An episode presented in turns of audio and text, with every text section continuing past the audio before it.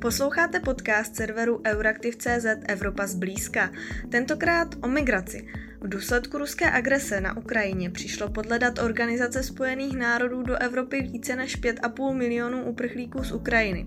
Právě o bezpečnostních důsledcích ruské invaze a i migraci jednali v pondělí na neformální radě pod taktovkou českého předsednictví ministři vnitra 27, ale například i Ukrajiny a Moldavska.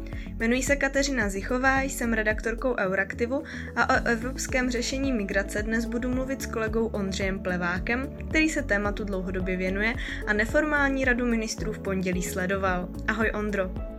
Ahoj Katko. Já už jsem eh, v úvodu říkala nějaká ta čísla, co se týče příchozích uprchlíků z Ukrajiny.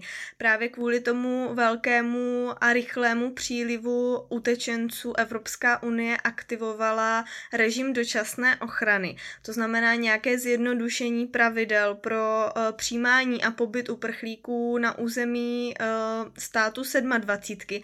Jak se tedy ta dočasná ochrana, která takto byla spuštěná historicky poprvé, jak se ten režim osvědčil?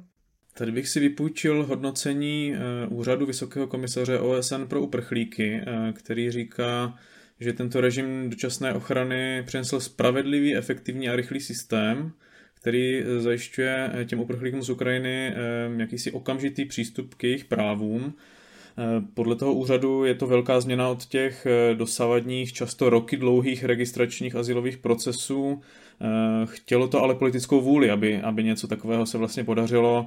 Ta válka všechny překvapila a, a po, podle toho potom jednali. A když je politická vůle, tak podle toho úřadu ten systém založený na těch harmonizovaných pravidlech eh, může fungovat teprve.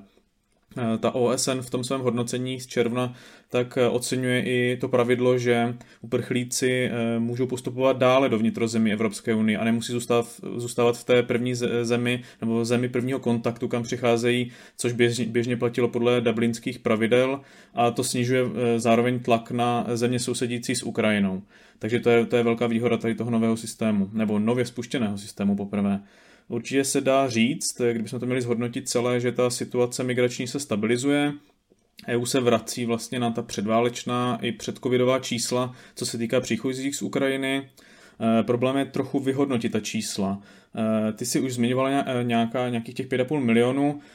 Evropská unie to interpretuje možná trošku jinak než, než OSN a, a další organizace. Eurokomisařka pro vnitřní věci teď v pondělí zmiňovala, že eh, do EU vstoupilo od války přibližně 6,7 milionů Ukrajinců a přibližně 3 miliony z nich už se vrátili. 3,7 eh, milionů uprchlíků eh, zároveň požádalo o ten status dočasné ochrany.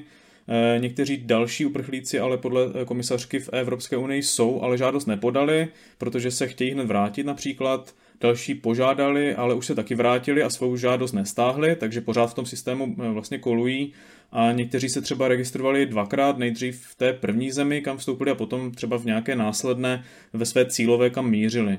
Takže jsou tam určité překryvy a ty odhady se můžou lišit, ale celkové odhady jsou tedy, že 3,2 až 3,7 milionů ukrajinských uprchlíků teď je na území Evropské unie. Eh, zpřehlednit to a zabránit i té duplicitě, o které jsem mluvil, tak by měl jednotný registrační systém, který podle českého ministra vnitra Víta Rokošana už funguje, ale zatím se do něj nezapojily všechny státy. Někde to brzdí eh, legislativní překážky, ale všichni, eh, všechny země s tímhle systémem souhlasí. Dopady ruské agrese na Ukrajině se neprojevují, co se týče uh, migrace, jenom v příchodu Ukrajinců, kteří vlastně utíkají z té um, otřesné situace na území Ukrajiny ale má to daleko sáhlé dopady i do jiných oblastí a co se týče migrace, tak je to například i ohrožení potravinové bezpečnosti, protože právě kvůli zadržovaným dodávkám obilovin z Ukrajiny hrozí hlad ve třetích zemí, a což může způsobit vlastně další migrační vlnu do Evropy, například z Afriky. O tomhle riziku nedávno mluvil v podcastu Evropa zblízka i ministr zahraničí Jan Lipavský, tak jak vlastně reálný ten scénář nějaké migrační vlny eh, ze třetích zemí, jako je Afrika, do Evropy je? To riziko určitě existuje, ministr není jediný, kdo o tom mluví eh, a je to vidět i na chování afrických států, protože ty se domlouvají na alternativních kontraktech eh, ve Spojených státech, v Ázii nebo i v jiných zemích Evropské unie a chtějí nahradit vlastně ty obiloviny z Ukrajiny nebo i z Ruska a aby tak zabránili právě nějakým dopadům vysokých cen nebo, nebo dalších problémů na ty africké domácnosti, eh, které potom vlastně nutí, eh, nutí Afričany eh, vlastně rozhodnout se odcestovat do Evropy, ale je to jenom jeden dílek skládačky. Těch problémů v Africe je daleko víc. Nedostatek potravin je dlouhodobá věc. Velký problém je samozřejmě i sucho, které je ještě větší motivátorem k té, k té migraci. Mm, a připravuje se na to tady Evropská unie nějak, na tu potenciální další migrační vlnu? Když opět využiju uh, tu komisařku Johansson, tak uh, a odhledneme tedy od, přímo od otázky potravy a zaměříme se čistě na tu migraci, tak ona říkala, že příprava probíhá vlastně na dvou frontách. Uh, komise na jedné straně požádala státy, aby připravili krizové plány, ale zároveň chcete situaci i předejít, aby se vůbec nestala. A proto probíhá řada bilaterálních jednání s partnerskými zeměmi v Africe a mluví se s nimi o tom, jaký může EU asistovat v té bezpečnostní oblasti, například eh, pomoc s bojem proti pašerákům. Jako nic konkrétnějšího eh, v tomhle ohledu nevím, ale ta jednání probíhají a ta komisařka je potvrdila. Mm-hmm. My se tady celou dobu bavíme o migraci a vlastně po té minulé migrační krizi je to teď kvůli situaci na Ukrajině téma, které je opět v centru pozornosti a to i pro, tu, pro ten důvod té potravinové bezpečnosti nebo i vlastně klimatickou krizi, která také je, jak si říkal, motivátorem pro to, aby lidé odcházeli eh, ze svých původních zemí například eh, do Evropy a to všechno se děje vlastně v době, kdy Evropská unie jedná o velké reformě své migrační politiky. Eh, ta jednání o reformě byla nějakou dobu na mrtvém bodě, pak se některé dílčí úspěchy podařily dojednat pod taktovkou francouzského předsednictví. Tak jak je to s tou vlastně reformou nyní? Jak to vypadá? Ono se sice tomu říká reforma, ale kdybychom se na to podívali blíže, tak ta komplexní migrační azylová politika na evropské úrovni vlastně neexistuje. Zatím máme jen dílčí pravidla. Eh, to francouzské předsednictví eh, zdá se zvolilo efektivní přístup, eh, podařilo se mu dojednat společný postoj členských států takzvaným screeningům migrantů na vnější hranici EU, stejně jako ke společnému systému otisků prstů Eurodac. Eh, k tomu navíc zabalilo i jeden poměrně velký úspěch, který trochu proplul pod radarem, a to takzvané dekla- deklarace o solidaritě. Eh, to sice není přímo součástí toho paktu eh, o migraci a azylu, přesněji nový pakt o migraci a azylu, kam vlastně Evropská komise všechna ta nová, všechny ty nové návrhy zabalila, Eh, ale tady ten, tady ten nový, eh, nový návrh, ta nová deklarace, tak má sloužit jako test toho, eh, jak bude fungovat solidarita mezi státy v případě migračního tlaku na vnější hranice Evropské unie. 21 států, včetně České republiky, tuto deklaraci podepsalo a 13 zemí už slíbilo relokovat přibližně 8 000 žadatelů o azyl z jihu Evropy na své území. Patří mezi ně Francie, Německo, Lucembursko nebo Irsko, a i když se to může zdát jako málo, protože těch migrantů přichází eh, tradičně ročně prostě desítky, stovky tisíc, eh, tak eh, a pro státy jako Řecko, Itálie, Malta nebo Kypr je to stále málo, těch 8 tisíc, a volají po větších, větších číslech a větších závazcích, tak pokrok to rozhodně je, protože, jak si říkala, ta reforma nebo to vyjednávání usnulo na mrtvém bodě, už vlastně dva roky se tam téměř nic nestalo, Eh, roky se státy nedokázaly dohodnout eh, v tomto ohledu v těch relokacích, teda v té eh, solidaritě nebo sdílení břemene na ničem a teď se to povedlo, i když to teda je takové dočasné, dočasné a dobrovolné řešení, tak vlastně ten systém už začíná fungovat, ty relokace by měly začít už brzy a další státy, které tedy nechtějí tedy ty žadatele, žadatele o azyl na svém území, tak alespoň přispějí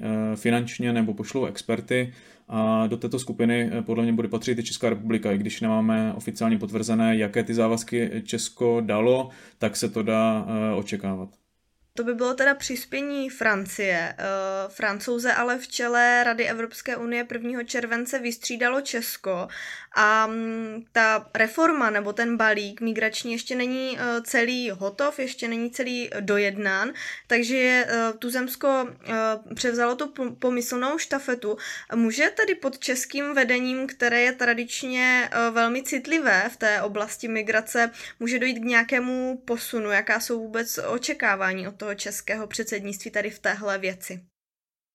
Myslím, že je důležité to Česko zasadit do nějakého kontextu celkové té války na Ukrajině a té migrační vlny, kterou způsobila. Když se vrátím k těm číslům, tak Česko má nejvyšší počet ukrajinských uprchlíků na osobu, takže by mělo mít samozájem na tom, aby měla Evropská unie jasná a předvídatelná pravidla a dlouhodobá Komisařka Johansson v pondělí ocenila český leadership, doslova to říkala na, na té tiskové konferenci závěrečné a velice chválila českou stranu i ministra Rakušana eh, za jejich přístup k té uprchlické vlně a že je opravdu Česká republika příkladem.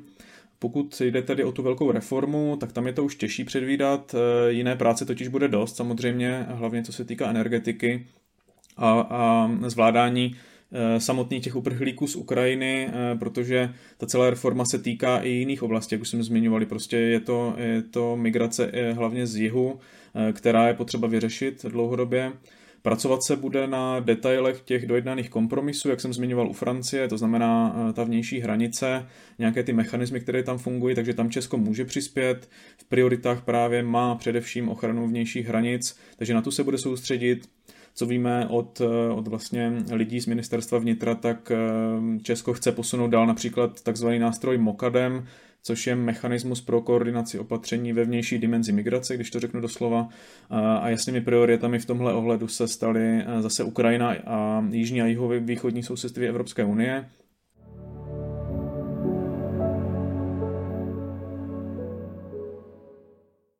Testovat se rozhodně bude ta zmíněná deklarace Solidarity. Nečekám, že by se brzy dojednala ta závazná verze.